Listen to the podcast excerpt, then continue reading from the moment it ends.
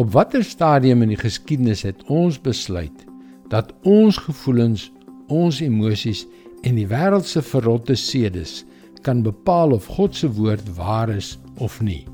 Hoe het dit gebeur? Hallo, ek is Jockey Gouchee vir Bernie Diamond en welkom weer by Vars.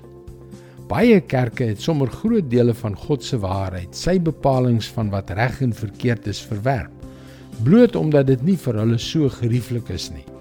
Hulle hou nie daarvan dat God se voorskrifte met hulle hedendaagse idees bots nie. Ja, sy bepalinge voel nie vandag meer so gemaklik en relevant nie. Stel jou voor wat sou gebeur het as Jesus daardie benadering daar buite in die woestyn geneem het. Matteus 4 vers 1 tot 4. Toe is Jesus deur die Gees die woestyn ingelei om deur die duiwel versoek te word. 40 dae en 40 nagte het hy niks geëet nie en naderhand het hy honger geword. Die versoeker het toe gekom en vir hom gesê: "As u die seun van God is, sê hierdie klippe moet brood word." Maar hy antwoord: "Daar staan geskrywe: 'n Mens leef nie net van brood nie, maar van elke woord wat uit die mond van God kom."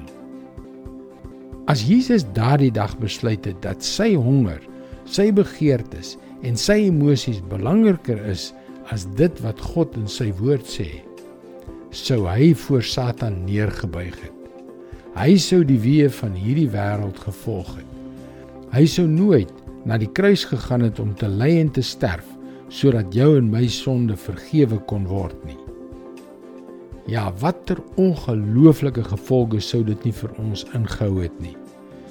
Maar vandag is die gevolge van die verwerping van God se woord ter wille van selfsug steeds absoluut verwoestend.